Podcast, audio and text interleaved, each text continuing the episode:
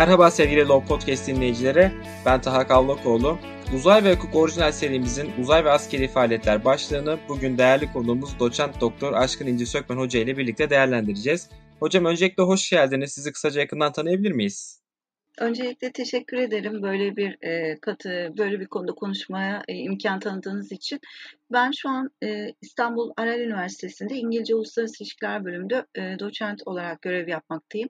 Doktoramı Karar Okulu e, Uluslararası Güvenlik ve Terörizm bölümünden almıştım. Ağırlıklı çalışma alanlarım akademik olarak e, uluslararası güvenlik, bölgesel güvenlik, yeni teknolojilerin geliştirmiş olduğu tehditler ve ulusal savunma, bunun dışında e, bu yeni teknolojilerin içerisinde tabii yapay zeka, e, nörobilim ya da genetik gibi farklı alanlar da var. E, bununla birlikte savaş, savaşın çeşitleri, terörizm alanlarındaki birçok konularda yayın yazıyorum ya da işte toplantılara katılıyorum. Bunun dışında da işte aktif olarak yakın zaman içerisinde bir kitap üzerinde de çalışıyorum. Kendimle ilgili söyleyebileceklerim bunlar. Peki hocam uzay maceranız, uzay serüveniniz nasıl başladı?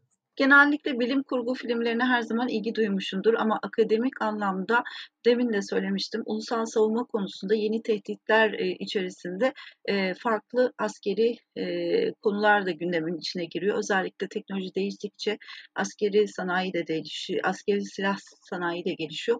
Zaten Soğuk Savaş'tan beri uzay çok önemli bir alan e, özellikle Amerika Birleşik Devletleri ve o dönem için Sovyetler Birliği arasında e, ve tekrardan e, ikinci uzay yarışı olarak adlandırılan bir dönem içerisindeyiz. Hatta özel sektörde e, bunun içerisine girdi.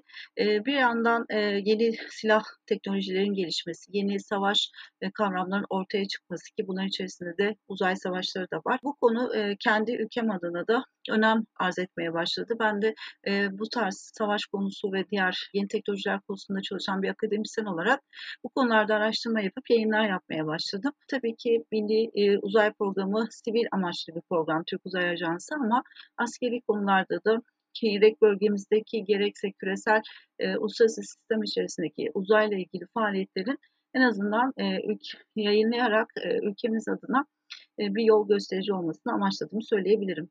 Hocam siz savaşlar konusunda uzmansınız. Bildiğiniz gibi e, uzay hukuku da aslında Soğuk Savaş döneminde ortaya çıktı. İşte Amerika Birleşik Devletleri ile Sovyet Rusya'nın mücadelesi ve rekabeti sonucunda ortaya çıktı ve şu anda da günümüz devletleri dünyada ne kadar bir mücadele içindeyse aynısı uzay için de geçerli. Siz bu konuda ne düşünüyorsunuz? Yani tabii ki şöyle bir şey var. Dünyanın bulunduğu ulus şey güneş sistemi içerisinde her an bir tehditle, yok oluş bir tehdidiyle karşı karşıya olan bir dünya içerisinde yaşıyoruz. Dünyadaki yaşamın 7 milyarlık bir insan nüfusu ve küresel ısınma ve bununla bir ortaya çıkabilecek bir takım dünyadaki insan neslini tehdit edebilecek felaketler var. Bunu tabii bertaraf edebilmek için e, dünyayı uzaydan e, kontrol edebilmek ya da e, denetleyebilmek ya da dış uzaydaki gelebilecek nükleer herhangi bir meteor veya herhangi bir asteroide karşı önlem almak e, uzayı gerçek anlamda önemli bir hale getiriyor. Ama uluslararası ilişkiler her zaman güç odaklı bir alandır ve devletler her zaman güçlerini maksimum seviyeye çıkarmak ister. Özellikle de küresel aktörler ya da uzaya erişebilecek kabiliyete sahip aktörler. Bu nedenle işin içinde sadece barışçıl amaçlar ya da işte dünyayı en azından yaşanabilir bir halde sürekli sürdürülebilir kılmak gibi hedeflerin arasında tabii olası savaşlarda da üstünlük kurmak çok önemli bir unsur. Çünkü olası bir e, dünya savaşında bitiminde yepyeni bir dünya kuracak bir güce erişebiliyorsunuz. Bunu Amerika Birleşik Devletleri için 2. Dünya Savaşı'ndan sonra söylemek mümkün. Bu nedenle olası bir yeni savaşta her zaman üstün olabilmek ve yenilmezlik elde edebilmek için dış uzay alanında askeri kabiliyet ve manevralara sahip olmak gerçek anlamda çok önemli.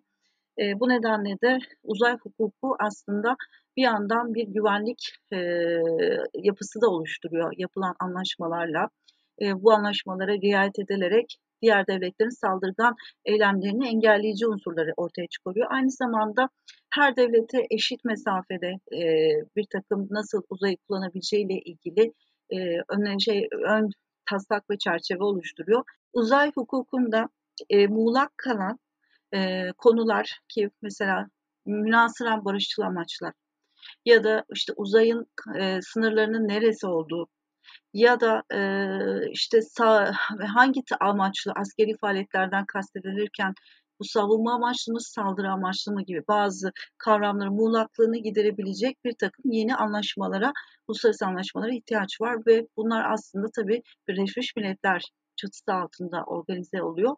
E, ve bir de tabii münferit bazı küresel aktörlerin kendi bireysel liderlikleri çerçevesinde devam eden bir takım çalışmalar var. Bu yüzden de yeni gelişen e, bu yeni ikinci e, uzay e, rekabetinde uzay hukukunun da aynı oranda e, etkin bir şekilde oluşturulması gerekir ki uzaydan olası bir e, güvenliği bozacak saldırgan devlet dışı ya da devlet aktörünün önlenebilsin.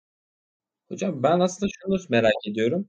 Şimdi biliyorsunuz e, ulusal savunma açısından işte uzaydaki hakimiyet de çok değerli. Devletler buraya çok ciddi yatırım yapıyorlar. Gerek işte uydular olsun, gerek diğer e, nükleer hani silahların işte denemesi olsun, e, uyduları vurabilecek işte roketler yapılıyor olsun. Sizce dünya üzerine gerçekleşebilecek bir savaşta devletlerin uzaydaki hakimiyetleri ne kadar değerli? İnanılmaz yani ölçülemeyecek kadar çok önemli şu dönemki teknolojiyle. Çünkü e, iletişim teknolojisi tamamıyla IT teknolojisi ve haberleşme teknolojisi uydulardan gelen bilgiye dayalı. Yani sizin bir e, askeri uydunuz ya da haberleşme uydunuz ya da tüm haberleşme uydunuz devre dışı kalması durumunda her şekilde e, bir anda e, şeye dönüyorsunuz. Sağır ve dilsiz hale geliyorsunuz. Aynı zamanda e, düşman kuvvetlerinin manevra alanları, e, atılan nükleer füzeler ya da balistik füzelerin e, fırlatma anlarını da uydudan gelen anlık veriyle ölçüyorsunuz. Hemen karşı e, veri karşı e, füze havaya kalkıyor ve rotasını yine uydudan gelen verilerle saptıyor. Bunlar olmazsa diğer e, hiçbir zaman karşı rakiplerinizin ne zaman füze attığını ve nasıl e, nasıl ona karşı karşı bir füze geliştirebileceğini bilemezsiniz. Diğer taraftan e, istihbarat bilgileriniz sıfırlanır.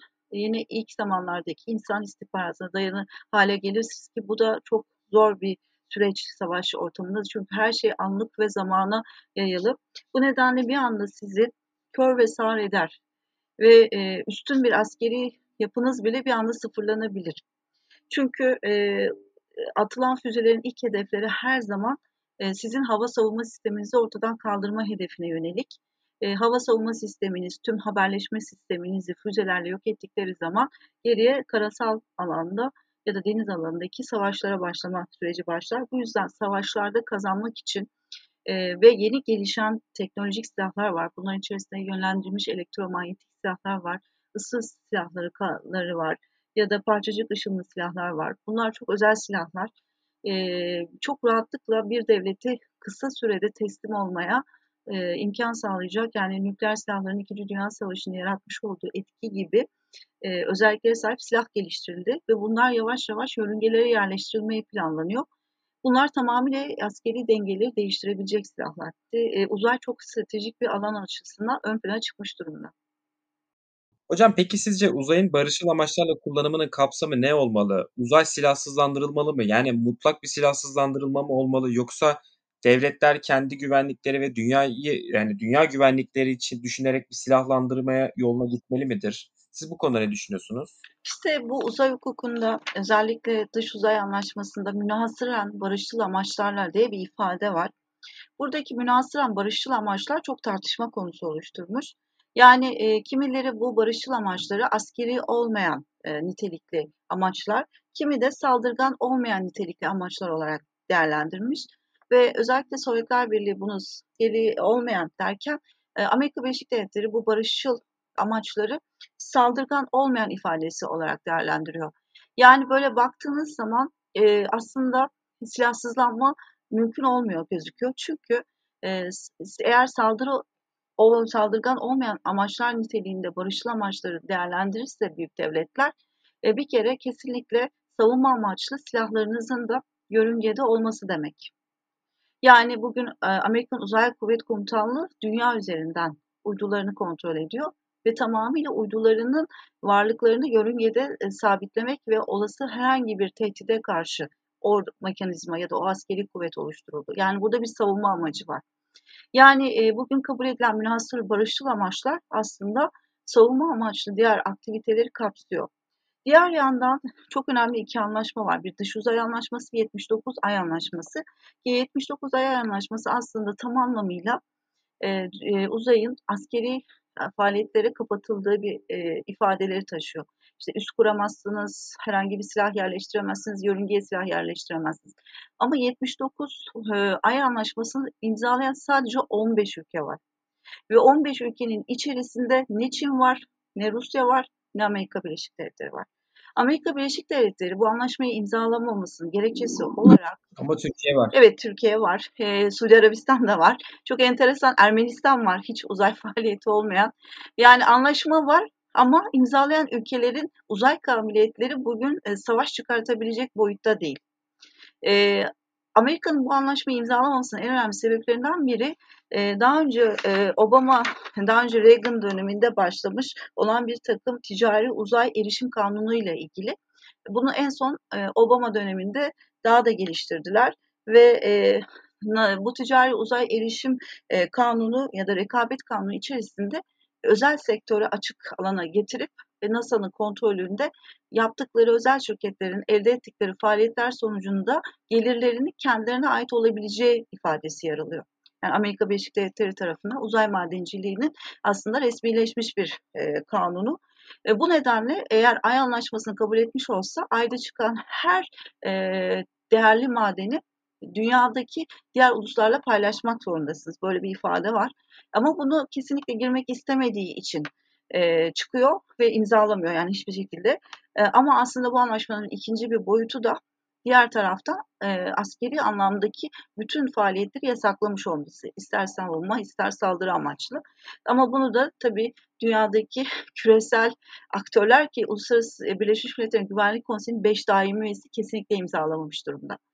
Diğer taraftan e, bu anlaşmaların içerisindeki bu muğlaklıklar dışında e, mesela e, Sovyetler ve e, bugünkü Rusya ve Çin kesinlikle tümüyle askeri faaliyetlerin e, yasaklanması için komiteye yani silahsızlanma komitesine bir bildiri sundum, sunmuşlardı bir rapor.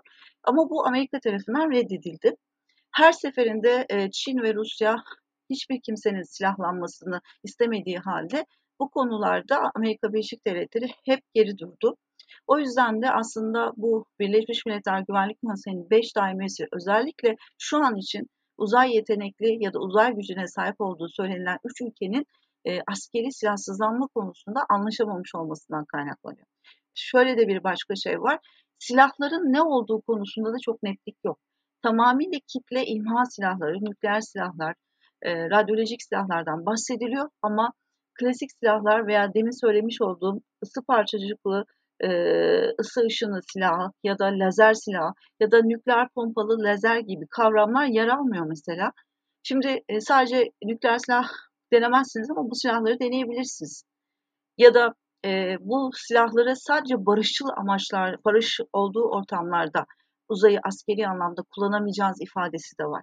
Yani peki olası bir savaş ortamında ne olacak? Yani uzay hukukundaki bu yapılmış anlaşmalardaki onaylamalardaki eksiklikler, aynı zamanda ifadeleri muğlaklıkları, bir takım e, ortak çabalar, tıpkı Start 1, Start 2 anlaşmasında Amerika Birleşik Devletleri ve Rusya'nın nükleer silahlarını azaltmak için her zaman bir bahane bulup e, uzaklaşmaları birbirlerinden olduğu gibi uzayda da bence silahsızlanma çok zor gözüküyor.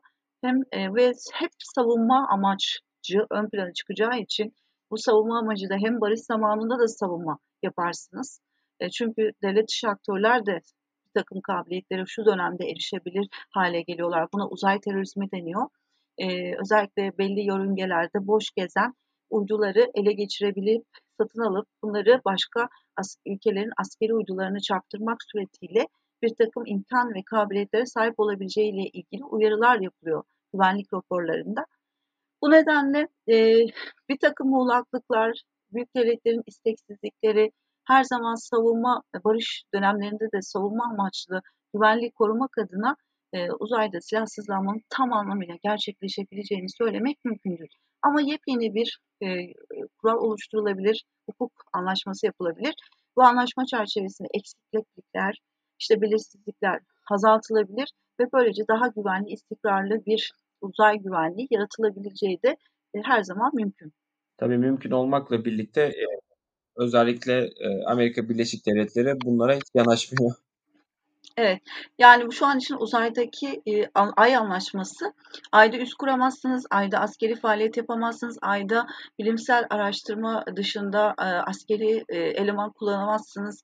Bunların hepsinin hiçbiri şu an için geçerli değil ama, eee, ilk anlaşma yani Dış Uzay Anlaşması kapsamında baktığınızda o tüm devletler için geçerli çünkü çoğu imzalamış durumda ama Ay bu kapsamın dışında. Eee, ve yeni, eee, bir anlaşma da gerçekleştirdiler NASA'nın bünyesi altında. Çünkü NASA Başkan Obama döneminde bu tarz, eee, faaliyetleri yapmak için yetkilendirilmiştir. Bu yetkilendirme çerçevesi içerisinde işte 8 ülkeyle birlikte Artemis Anlaşması'nı gerçekleştirdiler. Özellikle Japonya bu anlaşmayı kesinlikle barışçıl amaçlarla baktığını ifade ediyor zaten anayasasından dolayı.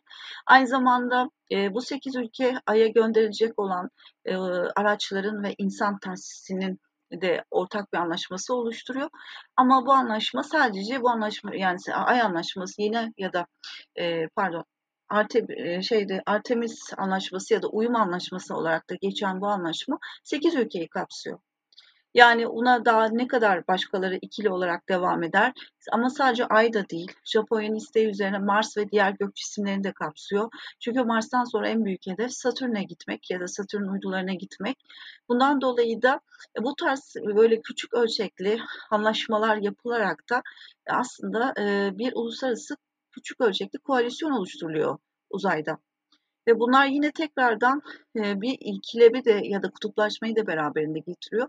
Amerika ile olanlar Rusya ile ayrı Rusya'nın bağımsız hareket etmesi ya da Çin'in ve Çin'le birlikte ve belki ileride ortak hareket edebilecek Asya Pasifik ülkeleri gibi farklı bir dünya versiyonu dış uzayda ya da ayda gerçekleşebileceğini gösterebiliyor bize.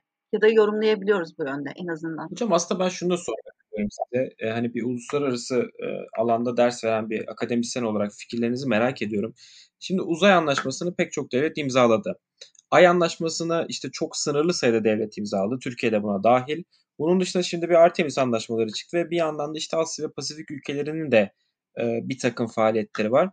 Dolayısıyla bu bir kutuplaşmaya gidecek mi? E, bunun geleceğini nasıl görüyorsunuz? Yani şimdi ayda maden çıkartmak yasak. E, ay anlaşmasına göre. İşte bu insanların ortak mirası olması gerekiyor. Ama diğer taraftan Amerika Birleşik Devletleri kendi vatandaşına bu imkanı tanıyor ve Artemis anlaşmalarıyla da diğer e, uzay ajansları, diğer ülkelerin uzay ajanslarına bu imkanı tanıyor. Sizce bu ileride nasıl bir e, çelişki yaratacak? Nasıl sorunlar yaratacak? Yani küresel aktörler hiyerarşiyi seviyorlar.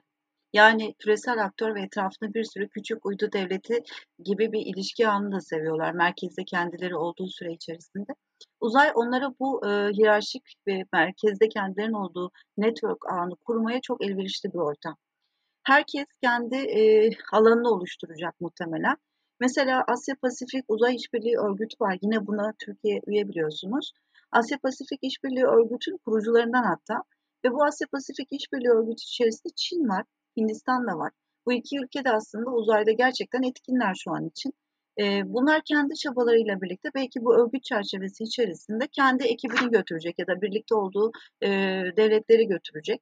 Amerika Birleşik Devletleri'nin sunduğu hizmetlerden ve e, fırsatlardan faydalanmak isteyen ülkeler gidecek.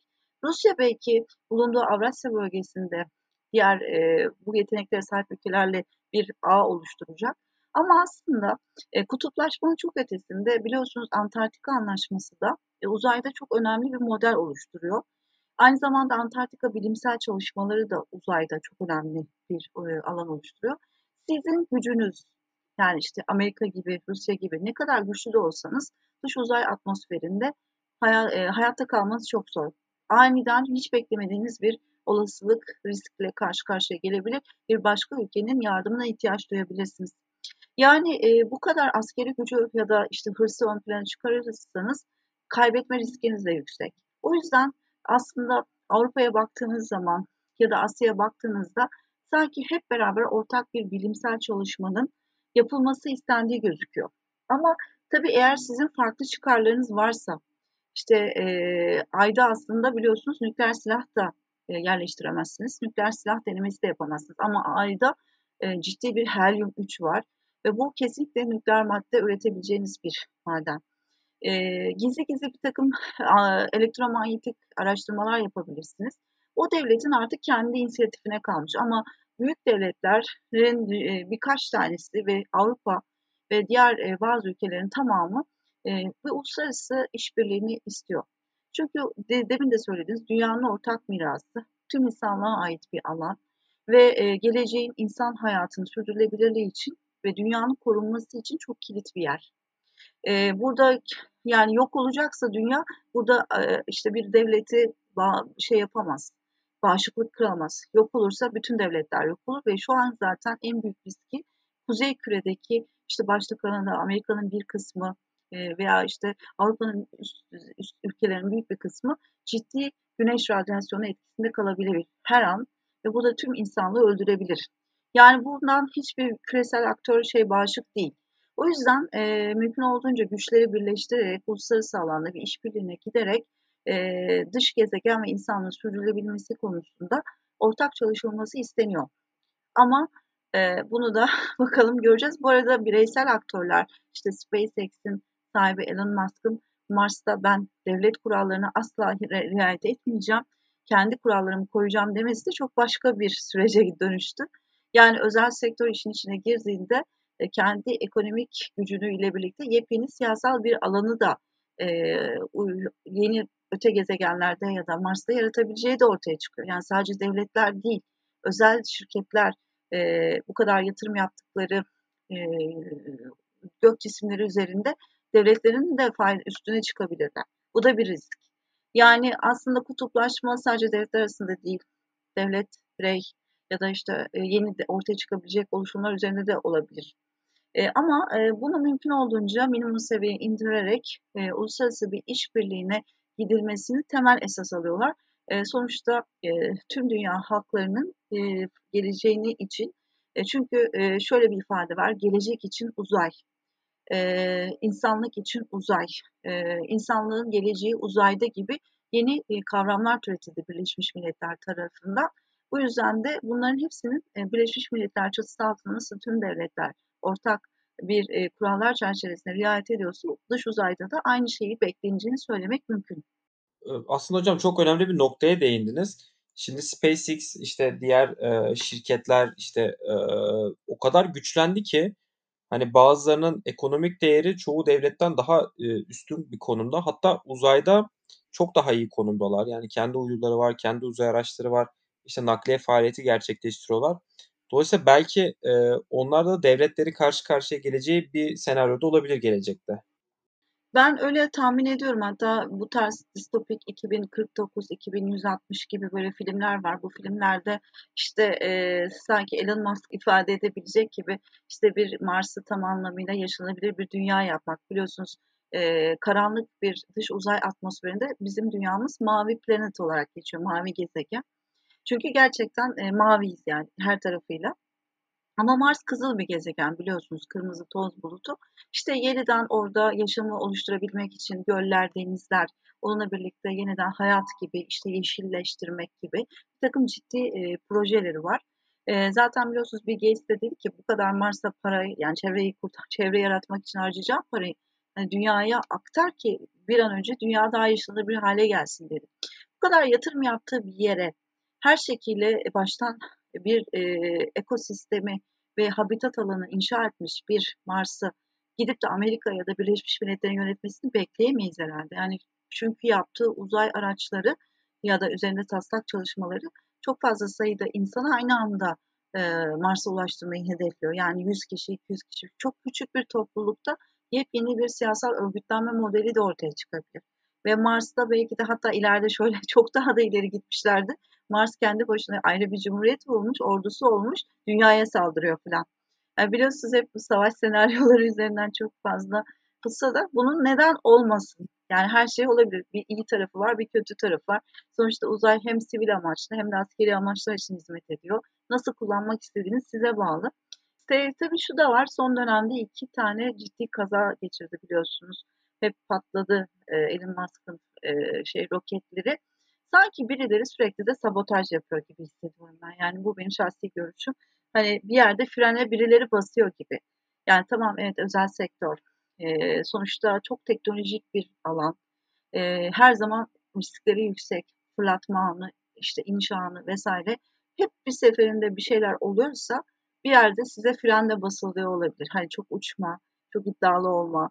Yani sonuçta birey bu, egosu çok farklı şeylere götürebilir gibi geliyor bana. Peki hocam, sizce e, uzayda bir savaş mümkün olacak mı? Yani uzayda bir savaş görecek miyiz? Yani uzayda bir kuvvet kullanma ya, e, ihlaliyle başlayabilecek, yani bir devletin bir başka devlete kuvvet kullanma e, ihlali yapabileceği sadece e, işte bir devlete ait uzaydaki değerlerine bir saldırı olabilir, kasıtlı bir saldırı ve bunu da üstlenmesi gerekir. Yani kuvvet kullanma yasağını silebilmesi için. Çünkü Amerika Çin'in kendi kritik askeri uydularına yapabileceği saldırıları bir savaş sebebi olarak açıkladı. Yani bu sonuçta uzayda da Çin eğer Amerika'ya askeri uzay araçlarına saldırırsa kuvvet kullanma yasağını e, ihlal etmiş olacak. Çünkü uzay anlaşması aslında Birleşmiş Milletler Anlaşması'na da sadık bir anlaşma. Yani onu da kapsıyor. O yüzden de e, Birleşmiş Milletler Sözleşmesi'nin 51. maddesi de direkt giriyor. Kuvvet kullanma yasağı, meşru müdafaa hakkı. Yani uzayda e, savaş başlatabilecek durum şu anki imkanlar çerçevesinde sadece uydulara yapılacak saldırılarla olabilir. Ki Amerika'da bunu zaten net ifadeyle bu bir savaş sebebidir demiştir. E, buna rağmen Rusya'nın biliyorsunuz e, bozuk olan bir uydusu gelip askeri uyduya çarpmıştır. E, tabii her zaman birbirlerine karşı şüpheyle baktıkları için bunun sadece basit bir e, kaza olmadığını düşünen Amerikalılar e, tabii biliyorsunuz uzay araçlarının e, yine bir anlaşma var bu konuda. E, bozulduğu zaman ya da başka bir şeye zarar verdiği zaman o devlet ciddi bir anlamda maliyet ödüyor. Yani bu işi barışçıl bir yolla da çözebilirsiniz. Yani basit bir askeri uyduyu e, işte basit bir nedenle devre dışı bırakabilirsiniz ama yine de e, koruma koruma yani ya da o tarz e, unsurları yetki unsurlara karşı sorumluluk ifade eden bir anlaşma var. Bu anlaşmayı imzaladıysanız bunun maliyetini ödersiniz. Ben uzaydan ancak e, kasıtlı bir şeyin şu anda gerçekleşebileceğini sanmıyorum. Yani kasıt bizzat kasıt olması lazım. E, ama dünyada başlayabilecek bir savaşın bir boyutunun uzaya taşınması olabilir. Yani e, savaşın ilk ilk bir haftası çok önemlidir. Orada bir takım önlemler almanız lazım. Her şeyden önce e, rakip düşmanınızın savunma hattını tamamıyla sıfırlarsanız çok büyük bir avantaj sağlarsınız. Yani ki bunun içerisinde ne vardır? Haberleşme ağı vardır. Tüm e, iletişimini kesmeniz gerekir. Aynı zamanda e, uçaklarını tamamıyla bertaraf etmeniz gerekir. Hiçbir uçağını havalandırmasına izin vermemeniz lazım. Bunun için elektronik bombalar var bütün internet erişim hatlarını tümüyle kesebiliyor. Yani onu tamamıyla uzaydan e, sağlayabileceğiniz imkanlarla sıfırlarsanız tabii bunun içinde karşı tarafın hiç uzayda imkanı olmaması lazım. Hiç Çin için bu söz konusu değil. Ama Amerika sanki komutanlık kurduğu zaman daha hızlı hareket edecekmiş gibi duruyor. Ya da e, tüm sistemi devre dışı kaldığı zaman havalanacak bir uçakta bu sistemi devam ettirebilecek bir mekanizma da geliştirdiler. Hatta biliyorsunuz en son attıkları Starlink yani yine SpaceX'in 12 bine varacak olan uyduları ağda aslında tüm çalışan uyduların elektromanyetini bozabilecek bir şeye sahip. Mesela şu an için bir uzay çöpü bıraktılar. Sırf bateri dolu. Yani e, işte farkında olmadan sanki yapıyormuşçasına başkalarının uzaydaki e, araçlara zarar veriyor olabilirler. Bunlar hepsi bir hazırlık aşaması da olabilir. Yani e, biz eğer siz bir ülkeyle savaşa kesinlikle kafaya koyduysanız ilk etapta onun en güçlü olduğu alanları zayıflatmanız lazım. Ve burada da uzayda yavaş yavaş bunları yapmanız lazım işte çeşitli sebeplerle vesaireyle işte ya da bunu başka bir nedenden göstererek ama ondan sonra esas savaşın dünyada olacağını söylemek mümkün. Tabii unutmamak lazım balistik füzeler, hipersonik füzeler bunların e, bir noktayı vurmadan önce havaya çıktığı, atmosfere çıktığı anda imha edilmesi çok önemli.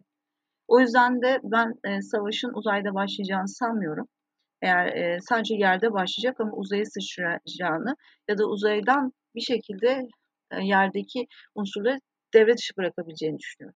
Aslında hocam benim e, SpaceX'in Starlink, Starlink e, projesiyle alakalı şahsi düşüncem biraz yörüngeyi dolduruyorlar gibi. Yani başka devletlere de işte yörüngeye uydu fırlatma imkanını biraz daha kısıtlayacak gibi geliyor.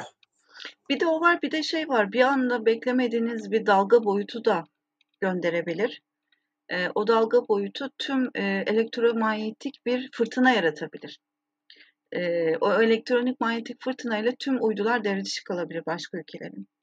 Zaten aslında siz bunu yaparken dışarıda da e, güneş patlamaları olup sizin uydularınız da devre dışı kalabilir. Yani böyle çok hinlik yapabileceğiniz bir alan değil e, dış uzay. Sizin e, sizi siz başkalarını bozarken sizi de başkaları bozabilir, başka nedenler bozabilir. O yüzden e, evet çok büyük bir çöp oluşturuyorlar sadece. Yani bu 20, 12 bin uzaydaki küçük mini mikro uydular e, görev süreleri bittikten sonra ne olacak sorusu var. Yani işte manyetik ya da mıknatıslı bir yeni vakumlama sistemi geliştiriyorlar e, Avrupa Uzay Ajansı. Bunu tabii yörüngeye atacaklar. Biten bütün e, uzay araçları, çöpleri orada birikecek ki yoksa yarattığınız e, uzay araçlarının da geleceğini ciddi tehdit altına alıyorsunuz. Yani biliyorsunuz e, dış uzay, e, alçak yörüngede devam eden şu anki Uluslararası Uzay İstasyonu zaman zaman yörüngeden çıkıyor. Ana sebeplerinden biri parçalanmış bir uydu parçası çarpıyor. Ya dışarısındaki bir göl, bir elektrik aksamını patlatıyor. Bütün e, projeler duruyor. Yani e, ne kadar çok e, bu tarz uyduları attığınız zaman aslında en büyük risk göndereceğiniz yeni bilimsel çalışmalar için farklı uzay araçlarının da ömrünü kısaltıyorsunuz ya da projenizin tamamen yok olmasına neden oluyorsunuz. Bundan dolayı da bence bilimsel projeden çok çok daha önemli e, ulusal çıkarlara hizmet eden bir proje Starlink projesi diye düşünüyorum. Peki hocam uzay jeopolitiği nedir? Pratikteki bunun önemini de değerlendirebilir misiniz bizler için? Şimdi e, uzay alanının neresinin başladığını saptamak işte uluslararası uzay hukuku açısından da çok önemli olmuştu. Çünkü normalde bir hava hukuku var, bir de uzay hukuku var biliyorsunuz. E, uzayın sınırı ya da hava sınırı nerede olduğu. Normalde her ülkenin kendi e, topraklarının yukarısında belli bir hava sahası var ve hava sahası egemenlik alanı. Jeopolitik aslında e, sonuçta bir askeri terminoloji. Yani uzayın sınırı nereden başlar ve bu uzay sınırının başladığı alanlarda dünyada etkili güç olabilmenizi sağlayabilecek, kontrol noktası sağlayabilecek nereleri vardır? Yani bunun içerisinde bir alçak yörünge, yani e, dünyaya en yakın yörünge çok önemli bir stratejik kritik alan. Aynı zamanda dünya ile ay arasındaki kalan yer yine çok kritik bir alan ve aydaki Lagrange noktaları L4 ve L5 çünkü e, sürekli sabit duramadığınız bir atmosferdesiniz ama Lagrange noktalarını sabit durabiliyorsunuz ve ay dünyayı e, kontrol edebilecek önemli bir gök cismi. E, ve bu gök cismi yer değiştirirse dünyada birçok şeyin de e, felaketleri ortaya çıkabilir. Bu noktalar e, saptanmış noktalar. E, yani bir ülkenin dış uzaya güvenli bir şekilde erişip dünyadaki askeri hedeflerini veya e, stratejik üstünlük kurma hedeflerini gerçekleştirmek için uzaydaki bu kritik alanları bilmeleri gerekiyor. Yani öyle alanlar var ki işte demin de söyledi Starlink'in temel amacı hiç yörüngede yer kalmamasını sağlamak. Çünkü bazı yörüngeler gerçekten dünyada önemli kuvve, e, güç e, ve kontrol mekanizması sağlayabiliyor. İşte alçak yörüngeye ya da orta alçak yörüngeye yerleştirmiş olduğunuz askeri uydular rahatlıkla fotoğraf çekebiliyor. Çok detaylı e, dinleme yapabiliyor. Yani artık hiçbir şey zaten e, tamamıyla şeffaf noktasında. Bu noktaları başka bir devlete kaptırmak çok büyük bir risk. İşte bu jeopolitik alan yani uzay jeopolitiği alanı bize uzayda hangi alanlarda dünyada üstünlük kurmamızı sağlayabilecek yerleri gösteriyor. İşte Lagrange noktaları aydaki. Ay, ay da çok önemli bir üs. E, ayda kurulabilecek bir askeri üs dünyanın korunması için gerçekten çok önemli. Çünkü e, dış özellikle son gezegenlerden Satürn'den korkunç derecede asteroid veya meteor geliyor. Dünyanın bir çekim gücü var. Yani işte öz kütle çekim gücü var. Bu nedenle biz aslında meteor ve asteroidleri çekiyoruz. E, işte bu meteor ve asteroidleri çekerken aslında bunların büyüklükleri dünyaya çarparak ciddi anlamda bir yok oluşun da başlangıcı oluşturabilir. İşte tarihte dinozorların bu şekilde yok olduğuyla iddiası gibi. Ya da meteor üstündeki ya da asteroid üzerindeki e, mikroplar dünyayı bir başka bilinmez bir e, salgına sürükleyebilir vesaire gibi birçok şey var. Bunlar için de aslında e, aydan dünyayı kontrol etmek ya da korumak çok önemli. İşte bunlar tüm e, uzay jeopolitiğinin önemli kritik konuları. E, buna sahip olan bir ülke içinde hangi alanda yatırım yapacağını, hangi alana uzmanlaşacağını söylüyor. Peki hocam, uzay güvenliği tam olarak nedir? Uzay güvenliği, yani, uzay aslında dünya için çok önemli. Yani, sonuçta bir spiral güneş sisteminin içerisindeyiz. Bazı güneş sistemlerinin içerisinde güneş bile yok. Sonuçta, eee, dünyayı korumak adına, işte, ne demiştim, iklim, eee, iklim değişikliklerini uzaydan bile kontrol edilebiliyor. Bu yüzden de, hani, dünyayı korumak, dünyayla ilgili birçok, eee, faaliyetler içerisinde güvenlik sağlamak ve uzayda, işte, dünyadan, dış uzaydan dünyaya gelebilecek olası risk ve tehditleri bertaraf etmek veya hiçbir devletin askerileştirilmesine izin vermedikleri ve tamamıyla barışçıl amaçlıklarla kullanacakları bir güvenlik, eee, tanımlamasından bahsedilebilir. Yani, dünya dünyayı koruma hedefini merkeze alarak hiçbir devletin de, eee, üstünlük kuramayacağı bir, ve tamamıyla barışçıl amaçlarla tüm insanlık için hizmet edebilecek bir alan olarak ya da güvenlik yapısı olarak nitelendirilebilir uzay güvenliği. Konuşmamızın, en başından beri aslında, çok farklı silah tiplerinden bahsettiniz. Uzay savaşlarında ne tür silahlar kullanılacak ya da gelecekte nasıl silahlar göreceğiz? Yani, daha çok, eee, yönlendirilmiş enerji silahları, yani, bunların atmosferde çok daha rahat kullanım imkânları var.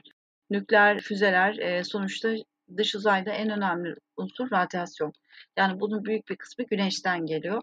E, siz bir de hava yok. Hava olmadığı zaman nükleer silahları patlattığınızda yine inanılmaz derecede bir nükleer serpintiye sebebiyet oluyorsunuz ve dünyanın biliyorsunuz, eee, ozon tabakası delik ve bu delik büyüdükçe her şeye açık hâle geliyorsunuz. Bir süre sonra, eee, dünyanızın çevresindeki hava deliğinden radyasyon da içeri girip dünyadaki tüm canlı yaşamını sona erdirebilir. O yüzden, eee, nükleer silahları minimum seviyede kullanmak önemli. Zaten uzayda ve atmosferde nükleer silahların kullanılmasını yasaklayan anlaşma var ama, eee, ya roket, nükleer Şimdi roketlerde nükleer, eee, enerji kullanma çalışmaları da var. E, şimdi oldu ki roket patladı. Yani, işte, SpaceX'in başına gelen şeyler gibi. E, o nükleer serpinti ne olacak? Yani, şimdi sadece silah kullanmanın çok ötesinde farklı unsurlar da var.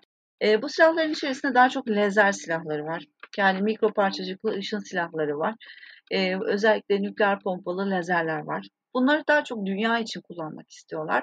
Bir de gök taşıtlarını yok etmek için. Zannedersem yakın zamanda bir, nükleer patlama yapıldığı iddiası vardı dünyada. Hatta, eee, işte, önceliği şey dediler, bir yakında meteor dünyaya çarpacak filan. Sonra meteorun sanki havada patladığı, işte, korkunç bir ışık yayıldı havada patladı. Bunun, eee, bunun patlamasını sağlayan şeyin aslında nükleer pompalı lazer, eee, silahının kesin olduğu söylenebilir. Yani, böyle bir silah demek ki kullanıldı. Eee, bunlar göktaşları gibi, eee, işte, dünyayı tehdit edebilecek tüm, eee, unsurları havada yok etme imkânı sağlıyor. Parçacık ışınlı silah, eee, çok önemli bir silah. Yani, yine, eee, dünyanın etrafında dönen yörüngesine yerleştirilen bir silah. Bu parçacıklı ışın silahı, eee, bulunduğu dünya üzerindeki bir noktayı tamamıyla yakabiliyor. Hem yer üstünü hem yer altını. Yani, mesela terörizme karşı kesinlikle kullanabilecek bir silah. Dağın içinde üs bile olsa, yerin altında tüneller bile kazsalar, eee, parçacık ışınlı silahla bunu yok edebiliyorsunuz.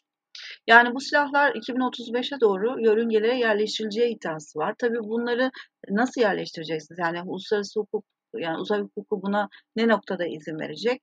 Ama savunma amaçlı, işte, bu barışçıl amaç ama savunma amaçlı bir barışçıl amaç, yani, sırf, işte, saldırgan devletlere karşı ya da, işte, devlet dışı aktörlere karşı terörizmle mücadeledeki savaşın uzay boyutu gibi de ifade edilebilir. Bu silahlar yerleştirilebilir ve bunu zaten, hani, kazara kullanmış bir devlete de nasıl yaptırım uygulanır? Yani, mesela Amerika Birleşik Devletleri kazara kullandı. İşte, çünkü bunlar şey, yapay zekâ tabanlı sistemler.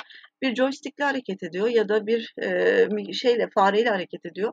Yanlışlıkla bastı A yerine B'ye bastı. Bir anda dünyanın bir yerinde bir şey oldu. İşte, bundan dolayı yaptırım Amerika'ya nasıl yaptırım uygulayacaksınız? Yani, bunu Birleşmiş Milletler Güvenlik Konseyi'nde onayın çıkması imkânsız.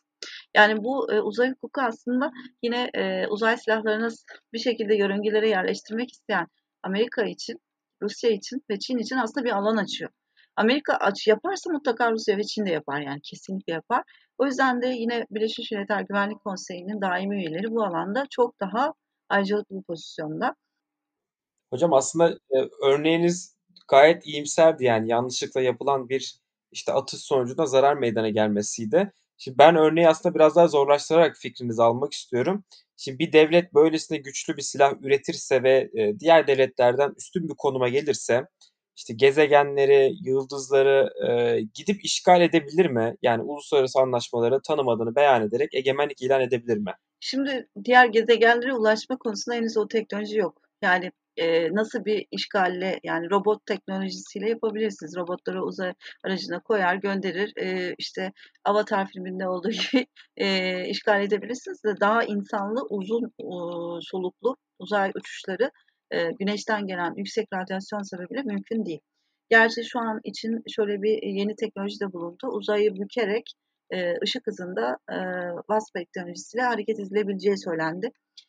E, bunu yaptıkları anda gidebilirler. Ama e, yine de hani e, şu ana kadar e, bu konuda işte Artemis Anlaşması'nda Japonlar bu e, anlaşmanın sadece Ay değil Mars ve diğer gezegenleri de kapsamasını söylemiş.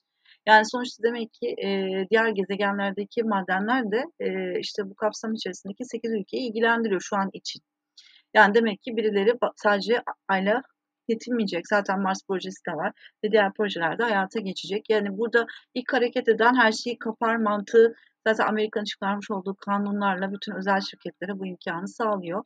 E, bir bakıma e, kesinlikle işgal etme imkanı var. Hatırlarsanız e, Star Wars filminde e, ölüm e, ışını dedikleri bir şey silahları vardı. E, kötü tarafın, hani karanlık tarafın e, birçok e, gezegeni yok edebiliyorlardı. Hatta birkaç seride de bunu gerçekleştirdiler. Böyle sanki o bana parçacık ışını silahı hatırlatıyordu böyle. Yani böyle gezegeni e, çok korkunç bir kırmızı ışık ve yavaş yavaş tak tak tak bütün gezegeni gönderdikleri yüksek enerjili silahla yok ediyorlar. Yani nükleer silahtan çok lazer ya da işte yönlendirilmiş enerji silahları e, gezegenleri tamamıyla yok etmeye sebebiyet verebilir. Ya da işte ben bunu bir tehlike arz etti, yok edebilir. Bu her zaman olası bir şey. Tabii bu silahlar Çin hemen alabilir ama nasıl gerçekleştirir onu bilemiyorum. Yani bugüne kadar e, ilginç bir şey var. E, siz de belki biliyorsunuz nükleer silahlar ilk Amerika tarafından kullanıldığı zaman bunların e, formülleri ve materyalleri Amerika'daki Yahudiler tarafından işte Rosenberg davası Ruslara sızdırılmıştı. Yani e, dünyada bir kesim var. Hani tek taraflı bir devletin ultra güce sahip olmasını istemiyor.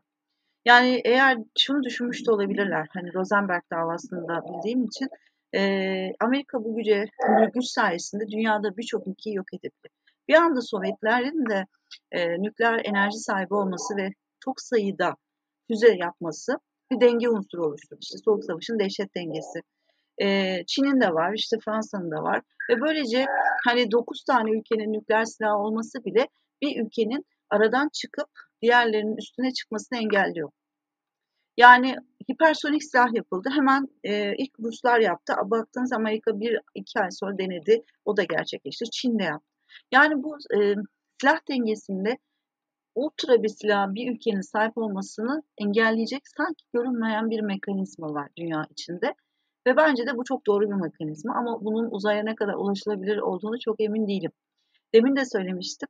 Füzeler yaparsınız ama savunma amaçlı da füzeleri uzaydan da yok edebilirsiniz. Yıldız Savaşları'nın Reagan döneminde açıklanan tamamıyla felsefesi bunun üzerine dayanıyordu. Peki hocam şunu da sorayım size. Ee, ülkelerin uzay stratejilerine yatırımları nasıl? Yani neler yapıyorlar ülkeler? Yani şu an için e, önlerindeki ilk örnekler Rusların örneği. E, uydulara odaklanılıyor. Uydularda e, uyduları imal etmek ya da işte uyduları bir yerlerden e, yaptırarak göndermek birinci amaçlı. Öncelikle tabii ticari uydular, sonra askeri uyduları gönderiyorlar. Daha sonra roket aşaması geliyor. Çoğu devlet bu roket aşamasında çok geride kalıyor. Çünkü gerçekten bugün dünyada en iyi roket Saturn 5. O da Werner von Braun tarafından e, Alman kökenli biliyorsunuz. İkinci Dünya Savaşı sonrası Amerika'da bu Saturn 5'i gerçekleştiriyor ve bütün Alman, e, Amerika'nın Ay Apollo programının temeli Satürn 5'e. İşte Satürn 5'ten e, sonra bugüne kadar en iyi geliştirmiş hiçbir roket yok. E, işte e, en son Elon Musk deniyor biliyorsunuz yeni roket çalışmasını. Roket geliştirme aşamaları var. E, sonuçta roketiniz patlarsa harcadığınız bütün paralar boşa gider. E, bu kadar maliyeti kim göze alır bilemiyorum. Devletlerin ekonomileri de Covid-19'dan sonra biraz sarsıntıya geçirildi. Uzay, uzay alanında yapılan tüm toplantılarda ilk, ilk gündem maddesi COVID-19 oluyor. E, ondan dolayı da yavaşlıyor tabii çalışmalar böyle daha da yavaşlıyor. Ama yeni bir teknoloji işte demin söylediğim Waspec teknolojisi çok rahatlıkla e, işi, uzaydaki zamanı bükerek e, şeyde ışık hızında yolculuk yapıldığı e, yapılacak bir cihazın ortaya çıkması birçok devletin hızlıca uzaya erişim imkanı sağlayacak. Yani şu an için sadece büyük devletler bu çerçevesi içerisinde hareket ediyorlar.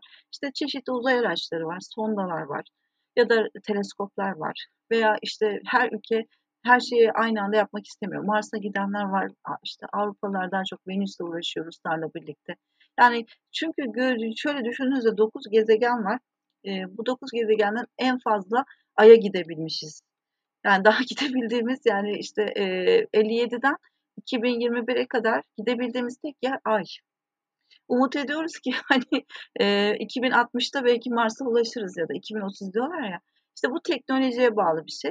Yeni bir yepyeni bir e, teknoloji gelişirse diğer devletler de bu sistemleri entegre edecekler. Yine küreselleşmede olduğu gibi uzay teknolojisine, sanayisine sahip olan ülkeler ve olmayanlar olacak. O yüzden de uzay teknolojisi sadece sizin uzay erişimini sağlamıyor. Hem teknolojik ve sanayinizi geliştirirseniz bir sürü cihaz yapıp bundan katma değer sağlayabilirsiniz. O yüzden e, Türkiye'de aslında hem uzaya erişim imkanı sağlamaya çalışıyor, hem sanayisini geliştiriyor, hem teknolojisini geliştiriyor. Birçok devlette bence e, bu çalışmaları benzer şekillerini yapıyorlar. E, uzayın önemi de nereden anlaşılıyor? Açılmış olan uzay ajanslarından. Her ülkenin e, çok büyük bir kısmının uzay ajansı var. Bu da çok önemli bir unsur. Genel çerçeveyi ve stratejiyi çizmek adına. Öncelikle uydular, sonra sanayi geliştirmek, e, özellikle e, üstünlük sağlayabileceğiniz alanlara yoğunlaşmak, teknoloji geliştirmek, bundan katma değer sağlamak, insan gücünüzü geliştirmek, işte eğitimlerinize başlamak ve yavaş yavaş daha fazla uluslararası işbirliklerine dahil olarak sistemin içine giriyorsunuz. Ama tabii en büyük hedef bir uzay istasyonu kurabilmek. İşte büyük devletlerin hedefleri başka, hayalleri başka. Bizim yani işte büyük hayaller, bazılarının hayalleri Ferrari düzeyinde, bizimkiler daha mütevazi binek araçla devam ediyor şeklinde özetlenebilir. Aslında hocam çok önemli bir konuya değindiniz. Ee, uzaya, yani uzay faaliyetleri içerisinde yer almak sadece uzaya çıkmak değil, aynı zamanda burada o uzay araçları üretiminin, uzay teknoloji üretimi sürecine yer alarak katma değer e, sağlama noktasında da önemli. O yüzden aslında Türkiye'yi ben bu açıdan şanslı görüyorum. Yani hem Avrupa ile hem Asya noktasındayız. Afrika'ya ciddi bir yakınlığımız var. O yüzden hani Türkiye'nin e, uzay alanına dahil olması ve sadece hani işte e, uydu gönderelim kısmında değil ama diğer taraftan sanayi açısından da kendini geliştirmesi ekonomik açıdan çok katkı sağlayacak diye düşünüyorum. Yani e, evet yeni açıklanan e, Türkiye'nin uzay ajansı hedefleri içerisinde zaten yeni bir uzay e, sanayi alanı inşa etme süreci vardı. Herhalde Ankara'da Gölbaşı'nda gerçekleşecek bu alan. Böylece mesela bazı ülkelerin çok başarılı çalışmaları var. Bunlardan bir tanesi İsrail startuplarla başlamış. Ee, İsrail'in startup haritasına bakıyorsunuz. Yani zaten daracık bir ülke, minicik. Her taraf mavi yani maviyle göstermişler. Her taraf mavi. İşte uzay, e, Türkiye'nin de uzay e, e, sanayisini geliştireceği alanda bir sürü startup'ın kurulması bekleniyor. Önce startup'la başlıyorsunuz, daha sonra kurumsal düzeye gelişiyorsunuz, ondan sonra da markalaşma düzeyine geliyorsunuz. Türkiye'nin de e, mesela lityum pili de açtı biliyorsunuz lityum fabrikası da açtık. Sonuçta lityum çok önemli bir e, unsur enerji sağlama konusunda. İşte uzay araçlarının enerji konusu var. Uzay araçlarının radyasyonuna güvenli hale gelmesi var. Ondan sonra işte yakıtın ne olacağı var. İşte yeni biliyorsunuz e, yeni yakıt çalışmaları var. Parafinli ya da daha başka bazı su bazlı işte ya da ki, itkisinin elektrik olması işte roketin itkisinin elektrik olması gibi yeni bir takım teknolojiler deneniyor Türkiye'de. En önemli şey Türkiye'yi teknolojik yönden dönüştürüyor bence. Ben en çok buna e, heyecan duyuyorum. Gençlerin ilgisi korkunç. E, icat çıkartmak, yeni buluş yapmak, işte e, her alanda Türkiye'nin e, sanayi ve teknolojik e, gelişme evresine katkıda bulunmak konusunda çok büyük bir muazzam şey var. Tabii bununla paralel işte dijitalleşme, yapay zeka, robotik teknoloji beraberinde geliyor. E, işte mesela e, dünyada tek e, radyasyona dayanıklı canlı kara fatmalar. Kara fatmaları genetik yapısıyla boru birleştirip e, radyasyona dayanıklı ürünler üretmeye başlayan iki bilim insanımız var Türkiye'de. Bunun çalışmaları duyuruldu. Muazzam bir çalışma. Yine bu çalışma İsrail de böyle bir çalışmayla başlamıştı. Çünkü bütün dünya devletlerinin en büyük sorunu nasıl radyasyonlu bir ortamda insan varlığını devam ettirebileceğimiz e, olgusu üzerinde. Türkiye'de hemen hızlıca iki bilim insanımız bunu başardı. Gerçekten çok önemli bir şey. Yani hem sanayisel olarak katma değer ve gelir sağlanacak hem de teknolojik yönden Türkiye e, yüksek seviyelere gelecek. Alınan patent sayıları çok önemli. Zaten Türkiye bu konuda iyi gidiyor. Üniversitelerin e, ödenekleri, araştırma projeleri arttı. Yani artık gerçek anlamda bilimsel araştırma yapan üniversite sayımız çok arttı. Bu çok çok heyecan verici bir şey. Şimdilik tabii ki e, e, ODTÜ, İTÜ ve Sabancı ile devam ediliyor ama bu çok genişleyecek yani partnerler çok genişleyecek ve bence e, kendi teleskopumuzu bile üreteceğiz. Yani kendi teleskopumuzu üreteceğiz, kendi uzay aracımızı üreteceğiz. Yani bunlar hani e, hiç kimseye bağımlı olmak istemeyen bir ülkenin çok büyük hedefleri. E, hem ekonomik bir gelir katkısı hem de insan kalitesini ve e, teknolojik bilgi düzeyinin artışı gösteriyor. Bu da çok önemli bir küresel aktör olmak için çok önemli bir unsur. E, tabii buna uygun üniversite ayağının da tamamlanması gerekiyor. Yavaş yavaş bunları da yaptıklarını görüyoruz e, Türkiye Uzay Ajansı tarafından. Peki hocam uzay güvenliği alanında yeterli mi? Şimdi Türk Uzay Ajansı'nın pek uzay güvenliği konusuna girmemesi gerekiyor. Çünkü o sivil unsurlara sahip. Ama e, NASA'nın gelişim sürecine baktığımızda aslında NASA da sivil, Amerikan Uzay, e, Uzay Kurumu ama hep askeri projelerle ortak çalışıyorlar. Ee, uzayın bir çift e, yanı var, çift amaçlılığı var hem e, kullanacağınız her şey hem askeri amaçlı da kullanabilirsiniz hem sivil amaçlı da. İşte GPS gibi. GPS hem askerler de kullanır hem sivil amaçlı da kullanılıyor. O yüzden o çok keskin sınırı çizilemiyor ama e, Türkiye Uzay Ajansı açık ve net barışçıl amaçlar için kullanıldığını zaten kuruluş düzüğünde yazıyor. E, ve sonuçta askerlerin faaliyetleri daha farklı, yani Türk Silahlı Kuvvetleri'nin faaliyetleri farklı. Yani sonuçta e, uzayın faaliyetleri farklı. Ben hatta çıtayı birazcık daha yükseltip Türk Silahlı Kuvvetleri'nin uzay komutanlığı kurmasını bile çok isteyenlerdeyim aslında. E, sonuçta F-4 pilotları buna çok müsait yetiştirilmek açısından e, bir ayrıcalığımız da olurdu. E, o yüzden yani Türk Uzay Ajansı bu alanında Türk askeri, Türk Silahlı Kuvvetleri'nin faaliyeti içerisinde tabii askeri uydular var şimdilik. E, ama çok hızlı şekilde astronot ya da ya da işte ona yeni bir isim aranıyor biliyorsunuz. Uzaya gönderecek yeni Türk uzay insanları için en hızlı askerler bu konuda erişim imkanı sağlamaya müsait. Çünkü zaten F4, F-16 eğitimlerin tamamı da geçmiş birisi bunu çok rahatlıkla yapabilir. O yüzden güvenlik konusunda şimdilik NATO çerçevesi içerisinde NATO'nun bir üyesi olarak son Londra'daki toplantıda uzayda güvenlik e, yani NATO'nun güvenlik şemsiyesi altına giren ana temalardan, tehdit alanlarından biri olmuştu. Türkiye bu noktada oraya şu an için faaliyetlerini sürdürüyor gibi gözüküyor. Ki Türkiye'nin de bir yandan kendi çalışmaları yoğun bir şekilde devam ediyor. Evet askeri uydular atıp onu söylemeyi unutmuştum. İşte en son bu sene çok fazla uydu atılacak. İki, iki ikisi atıldı. İkincisi de askeri uyduydu zaten. Onu da attılar. Yavaş yavaş daha fazla e, uydu atmaya hızlandırdık. Çünkü dediğiniz gibi e, yörüngelerdeki egemenlik hakları çok önemli. Türkiye her gönderdiği uyduyla aşağı yukarı o yörüngede 30 yıl hakkını garanti altına almış oluyor. O yüzden de ne kadar hızlı sayıda Starlink 12 bini tamamlamadan gönderebilirsek çok iyi olacak gibi gözüküyor. Bir de silah teknolojisi konusunda yani bugün bizim de yönlendirilmiş enerji silahlarımız var, lazerler var. Bunları gerektiğinde donanmada e, uçak gemisine monte edebiliyoruz ya da SİHA'ya monte edebiliyoruz, İHA'ya monte edebiliyoruz. Ama daha tabii bizim e, bunu uzayda kullanabilme e, hakkımız zaten yok. Çünkü hem e, iki anlaşmayla kendimizi bu konuda şey tutmuşuz, sorumlu tutmuşuz. E, o yüzden de tabii büyük devletler hareket etme kabiliyetlerinde birisini hani e, arkasına e, takip edersiniz. Öyle bir ifade vardır band following. Türkiye'de bunu takip edecektir. Muhtemelen şu an içinde bulunduğu NATO çerçevesi içerisinde diğer devletlerle uzay alanında beraber hareket ediyor gözüküyor. Peki hocam bu casus uydular ne işe yarıyor tam olarak? Bunu da biraz bize açabilir misiniz? Casus uydular e, aslında şey var böyle e, çok tespit edilemeyen yani varlığı tespit edilemeyen e, belli bir zaman aktif hale gelen çok yakın yörüngede çok e, önemli kritik görüşmeleri ve haberleşmeleri e, ya da bilgileri kayıt edebilen uydular. Eee, bu uydular önemli. Bazen, işte, eee, bunların muadili kamikaze uydular. Rusya ve Çin tarafından geliştirilmiş. İşte, bu casus uyduları devre dışı bırakmak için. Genellikle alçak irtifada, işte, girip çıkıp ya da, işte, bazen bunları da, eee, şey insansız 6. nesil uçaklar var. Benzetiyorlar da birazcık böyle giriyorlar, çıkıyorlar, bilgi alıyorlar, sürekli data topluyorlar vs. Eee, bu casus uyduların en önemli özelliği zaten, eee, istihbarat değil, bilgi sağlamak. Bu bilgileri de tabii ki sahadaki herkesin kullanım imkânına sahip. Yani bugün, eee, dijitalleşme had safhada küçük, eee, kapalı devre sistemleriyle bir şehir ciddi anlamda kontrol altında tutuluyor. Bunun çeşitli programları var. İşte, yüz tanıma programı, işte, biyometrik tanımlar hepsi ya da, işte, araç takip sistemleri uydudan gelen görüntülerle sağlanıyor aslında.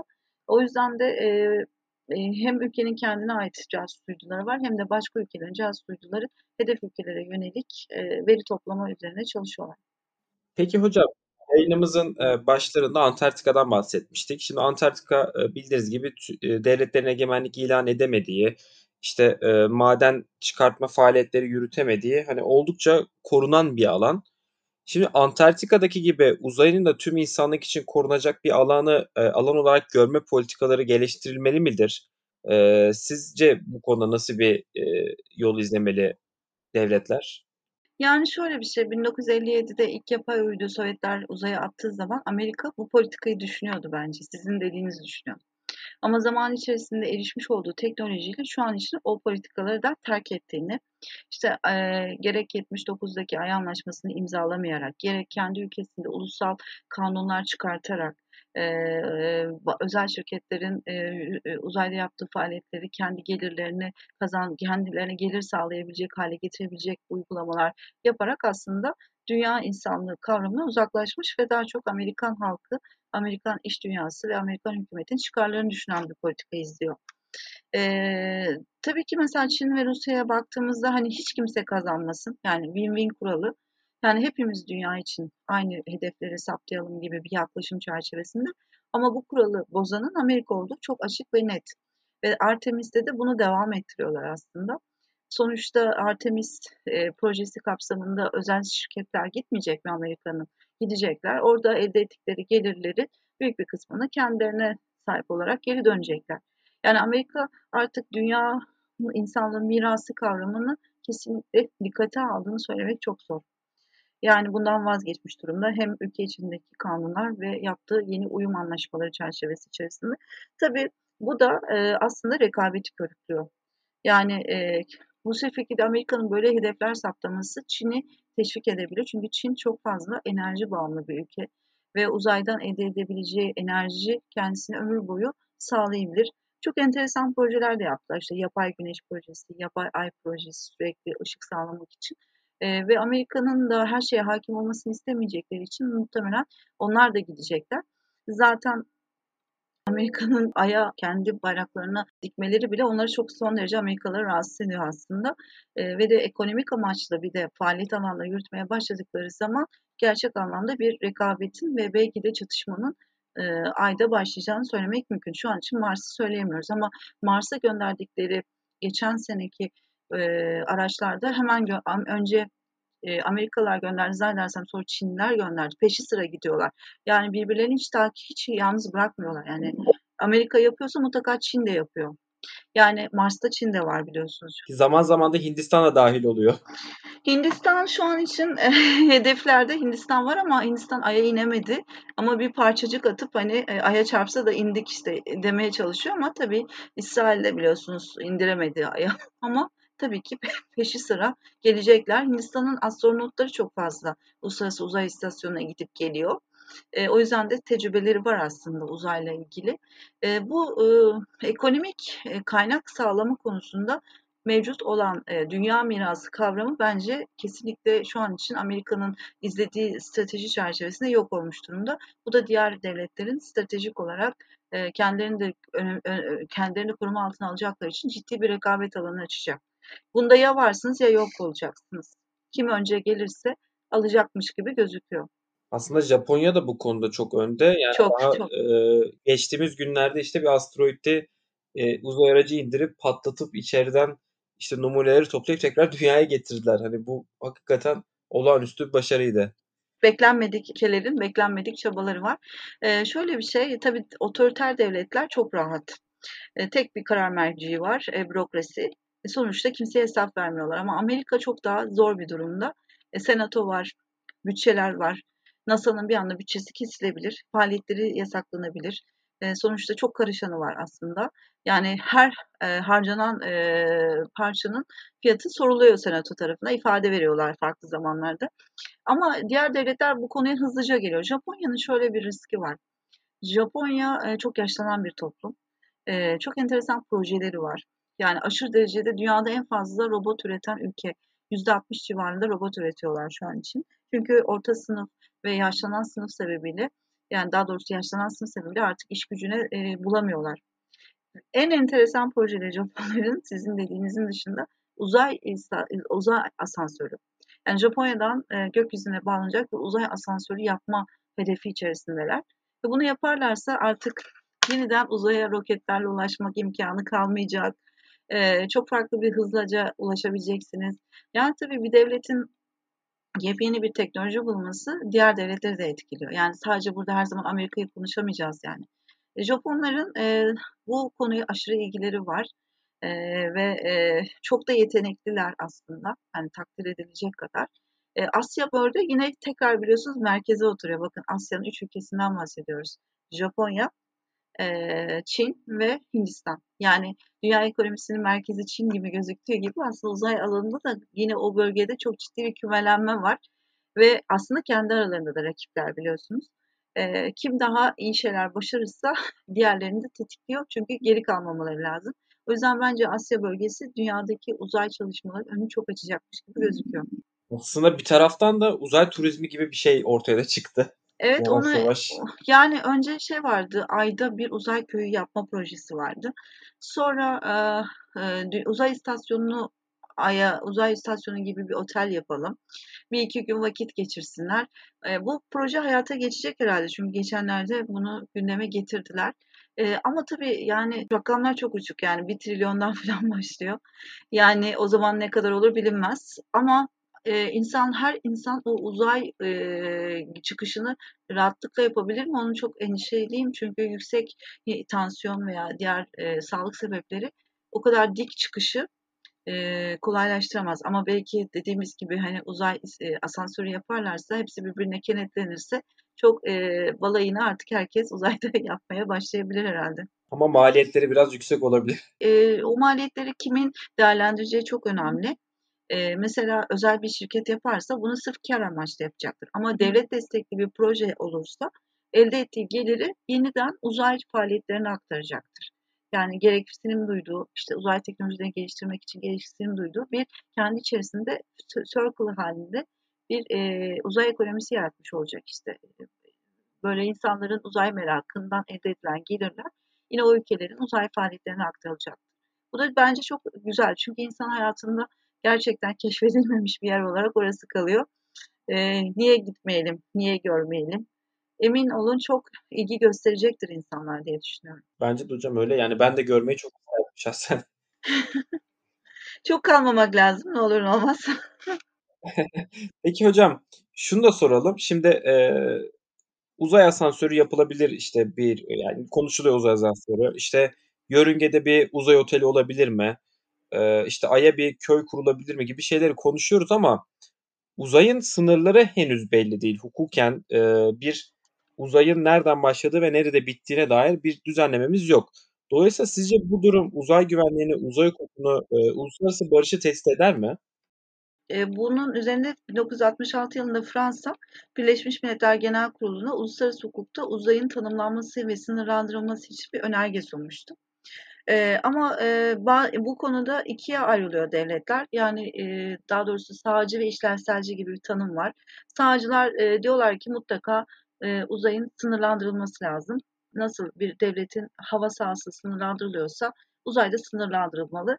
Böylece hem hukuku da ona göre şekillendirilebilir diyorlar. Buna genellikle sağcılar deniyor. İşlevselci dediğimiz grupsa da diyor ki kesinlikle sınır çizmeyelim. Çünkü sınır çizersek e, aşırı ülkesel talepler çıkabilir. Mesela Ekvator kuşağındaki ülkeler e, kendilerinin e, kendi için ayrıcalıklı görüyorlar. Uzaya gerçekten en kolay ulaşılabilecek alan orası. E, ve buradan tabii aşırı derecede talepler de gelebilir ya da izin vermeyebilir. Ya da çok yüksek e, olursa da işte uzayın aktivite eğer sınırlar çok yüksek olursa ya da çok daraltılırsa bu sefer aktiviteler, faaliyet alanları daraltılabilir. Yani uzayın alanının e, sınırlarının belir, belirlenmesinin çok getirici negatif sonuçlar var. Bunlarla da bertaraf şu an için bence diyorlar ki yine e, şey olsun sınırlarını çizmeyelim. Mümkün olduğunca alan açık kalsın ve böylece e, faaliyetlerimizle ilgili çalışmalarımız e, rahatlıkla devam etsin. Çünkü sınırlandırdığınız anda çatışmalar da başlayacak. E, egemenlik yetki alanları başlayacak. İşte sen şeye başlayacak. Çünkü e, mesela uzay aracı e, artık dünyaya dönerken nereden ineceği belli olmuyor. Başka bir ülkenin toprağına da inebiliyor. Başka bir ülkenin denizine de inebiliyor. Bunun aslında öyle olmasının da kuralları, şeyleri de var. Yani e, bu e, bir yasa değil. Bu şekilde olmasının onaylandığı bir süreç var. Bu yüzden e, şu an için işle, işlevselci bakış bakan yani işte uzayın alanının daraltılmaması ya da saptanmamasını isteyenlerin kazandığı görülüyor. E, zaten bu da bence mantıklı çünkü e, çok fazla hukuksal kurallarda aslında çatışma doğurabilir diye ben de aynı görüşü savunuyorum ama 66 gibi düşünün daha çok önemli tarihler bunlar. Fransa bunu önermiş. Yani işte bazı münferit ülkelerin bir takım yeni kurallar oluşturma konusunda çabaları var. Ama ne yazık ki gerçekleşmemiş. O yüzden de e, irtifa ve yer çekimi gibi ya da işte şu anki sınırları belirlenmiş e, deniz seviyesinden 100 e, metre üzerindeki alan yani kayman sınırı dedikleri alan şu an için uzay sınırı olarak kabul ediliyor. Ama onun üzerine daha farklı e, geniş bir uzay sınırı saptamak istemiyorlar. Hocam aktardığınız bilgiler için gerçekten çok teşekkür ederiz. Ee, çok keyifli bir sohbet oldu. Son olarak hocam gelecekte bizi uzayda neler bekliyor? Sizce önümüzdeki işte 10 yıl, 50 yıl ve 100 yıl içinde neler göreceğiz bu alanda? Yani 2030'a kadar dünyada çok ultra teknolojik gelişmelerin olabileceğini ekonomist kapağına taşımıştı bu yıl içinde. Bunların büyük bir kısmı uzayla bağlantılı. E, tabii e, bir takım e, spekülatif e, ifadeler var. Yani dünyaya uzaylılar gelecek vesaire gibi. En zaten dünya insanlığının en çok e, üzerinde durduğu konulardan biri. E, tabii dünyadaki yaşamın bitmemesi lazım. Yani mavi gezegenin bir ikinci kopyası yoksa bu gezegeni korumak gerekiyor. O yüzden de dış uzaydaki dünyayı gözetlemek, korumak anlamlı işte meteoride, asteroide karşı, meteore karşı e, savunma amaçlı bir takım yapılanmaların olması şart. Yani gerçekten e, çünkü e, Atlantis'in yok oluş sebebinin meteor olduğu söyleniyor. Koskoca bir denizin üzerindeki ada devleti yok olmuş. Bunun gibi birçok ada devleti, İngiltere bile yok olabilir. E, ve bu e, biliyorsunuz şu an için geliştirilen teknoloji meteorların ve asteroidlerin yörüngelerini değiştirilebilecek bir yapıda. Bundan dolayı da bu bir başka devlet tarafından diğer rakibini yok etmek için de kullanılabilir. Bunların aslında çok dikkatli gözlemlenmesi gerekiyor. Tabii biz e, uzayı keşfetmek için teknolojiler geliştirdikçe farkında olmadan dünyadaki teknolojik seviyeyi de yükseltiyoruz. Uzay için yarattığımız her teknoloji aslında insanın dünyadaki hizmetine de sunuluyor. Bu nedenle birbirini besleyen bir yapı ve e, muhtemelen ileriki aşamalarda ay artık çok basit bir hedef haline gelecek. Belki dünya daki teknoloji yeni bir uydu yapma konumuna gelecek. Bugün Starlink'i yapabilen bir ülke ileriki aşamada bir kendine uydu da yaratabilir. Dünya için yeni bir uydu da yaratabilirsiniz. Yani e, tamamıyla içi metal parçasından oluşan yepyeni bir uydu yapıp işte dünyanın yörüngesine koyabilirsiniz. Bu da var projelerin içerisinde. Mesela artık e, yapay yer çekimi teknolojisi e, oluşturuldu. Artık dünyanın dışında başka bir gezegende yapay yer çekimi yapıp insanların normallikte havaya uçmadan yaşaması sağlanabilecek. Bunun dışında radyasyona dayanıklı bir insan profili de yaratılma aşaması var biyolojik nedenlerden dolayı. Yepyeni insan ırkları da çıkabilir. Çok korkunç bir dönüşüm noktası. Yani muazzam bir gelişme. Ve e, hep şu söyleniyor, insanlığın devamı için uzay çok kritik bir alan. İnanıyorum, kendim de çok inanıyorum buna. O yüzden de gelecek bizi beklerken çok ultra yepyeni bir dünya ile karşılaşabilirsiniz. Umarım hocam bu anlattıklarınızın hepsi iyi yönde olur. İşte dünyanın tüm dengesi iyiler ve kötüler üzerine kurulu. Umut ederim ki e, uzayda yapılacak kötü amaçlı bir e, olayın tüm dünya kendisini de yok edebilecek bir şey olduğunu bilen ve farkında olan insan veya insan dışı her şey olabilir devlet bazında e, dikkatli olması gerekiyor. Ve bence bu konuda çok bilinçli olduklarını tahmin ediyorum ben. Yani dünya devletlerinin. Rusya'nın gerçekten e, mesela e, uluslararası işbirliğine uzayda çok yatkın olduğunu söylemek mümkün. Uluslararası Uzay İstasyonu e, biliyorsunuz uzun süre Amerikalılar Rusların e, fırlatma rampalarını kullandı. Bu kadar çok maliyetliydi ki e, maliyetler sebebiyle kendi iç ülkelerinden e, şey göndermediler. E, Rusları kullandılar ve Ruslar e, Uluslararası Uzay İstasyonu'nda gayet işbirliğine yakın meyilliler.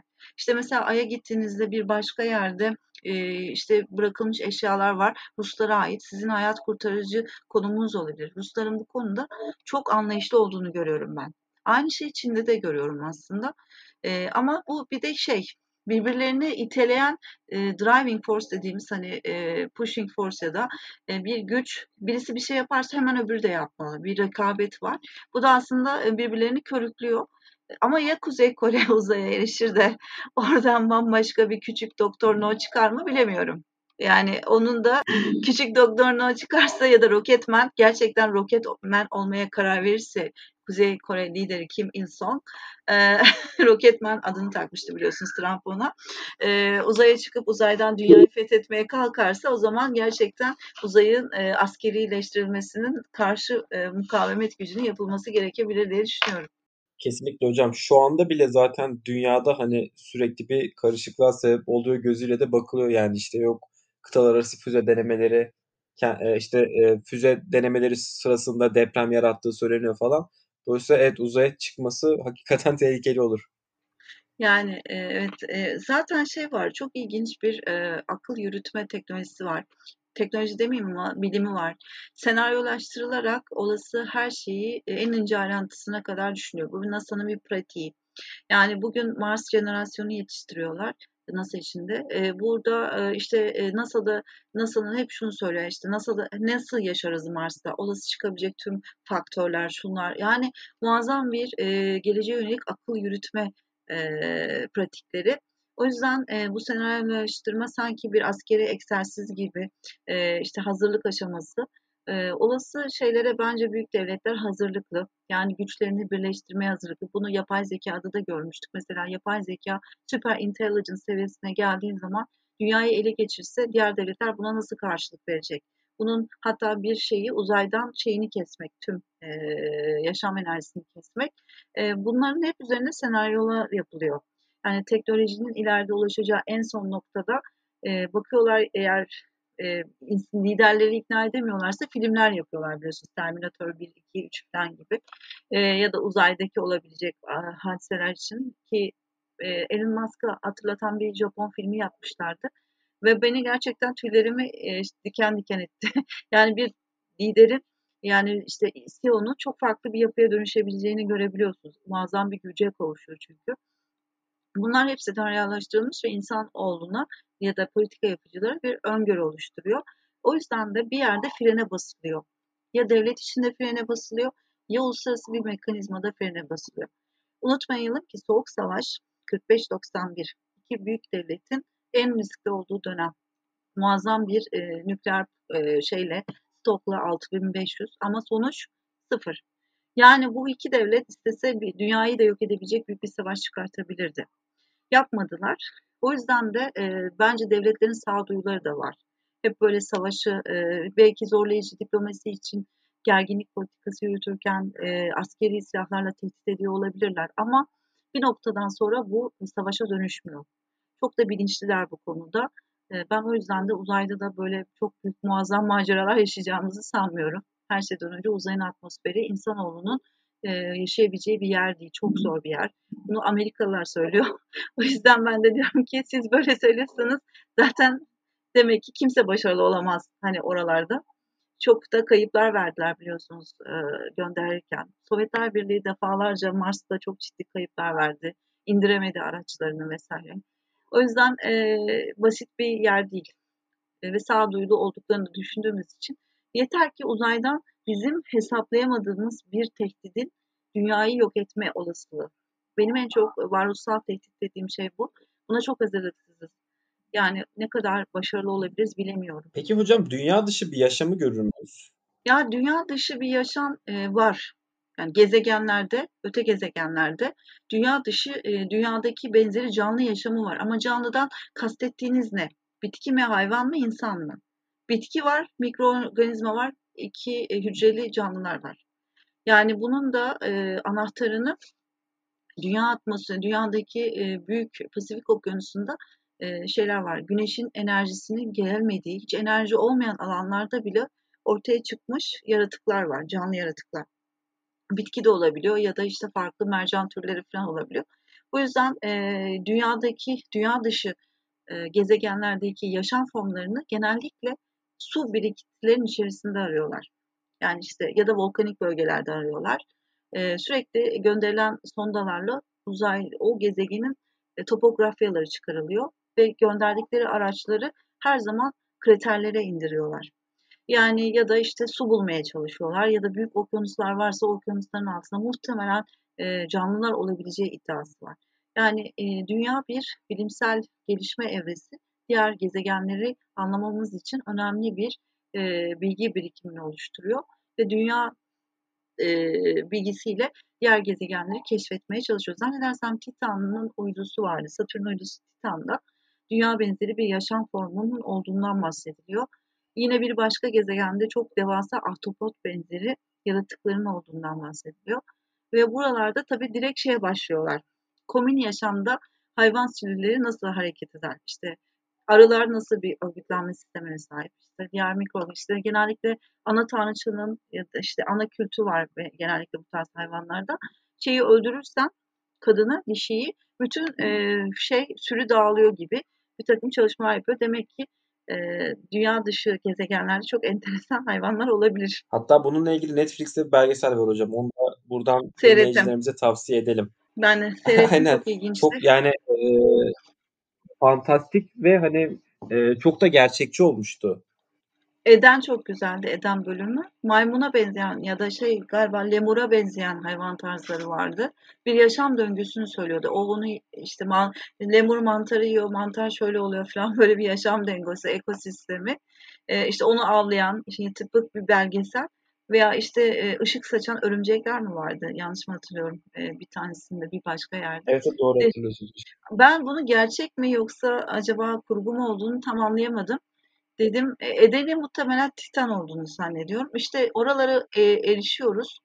Yani bilgisayar düzeyde gönderdiğimiz uzay araçları ama ulaşamıyoruz. Sorun orada. Yani ulaşamadığımız teknoloji, yani ulaşılabilirlik teknolojiye insanoğlu ulaşmadığı sürece her şey böyle kalıyor. Yani mühim olan insanın ayak basması ve bilimsel araştırma yapması. Ee, umarım ki tabii burada da e, Star Trek'teki gibi bilinmeyen galaksi de biliyorsunuz galakside bilinmeyen yolculuklara çıkıyorlar. Ee, yeni bir uzay keşfi için. E, muhtemelen gelecekte böyle e, takımlar olacak gibi düşünülebiliyor. Peki hocam çok teşekkür ederiz aktardığınız bilgiler için. Çok keyifli bir sohbet oldu. Ben teşekkür ederim. Bir de son bir şey biliyorsunuz ışınlanma da e, yine Zuckerberg tarafından söylendi ama Zuckerberg'in kastettiği ışınlanma daha biraz Matrix tarzı. Ama e, yine işte bu uzay yolculuğundaki gibi ışınlanma gerçekleşebilirse e, yakın bölgelere belki hiç e, uzay aracı kullanılmadan da insanları ışınlamak mümkün olacak. E, bu da beklenen e, teknolojilerden bir tanesi. Özellikle bu kuantum teknolojisinin gelişimiyle birlikte aslında e, olabilecek senaryolardan birisi. Evet, yani bunlar tabii e, tüm e, şu an konuştuklarımızın hepsini değiştirebilir. Çünkü çok hızlı bir şekilde uzaya ulaştı, uzay ve uzaydaki diğer gök cisimlerine ulaştığınız anda bambaşka yeni olaylar ortaya çıkabilir. Yepyeni ekonomik habitatlar ve yaşam üniteleri kurulduğu zaman onların mutlaka yöneten ve yönetilen ilişkileri de çıkar. E, yeter ki e, o sürecin nasıl başlayacağı önemli. Bence 2025 kritik bir yıl. E, 2024 ile başlayacak biliyorsunuz Ay'a gidiş. Ve o tarihten itibaren bence 2025'te Ay'da köy ve yaşam alanı oluşacak. Ve belki de oradan da çok hızlı bir sıçramayla diğer gezegenlere gidilebilecek gibi gözüküyor. Yani şu an için topladığınızda 4 sene mi var? 4 senede uzayla ilgili çok büyük olaylara gebeyiz.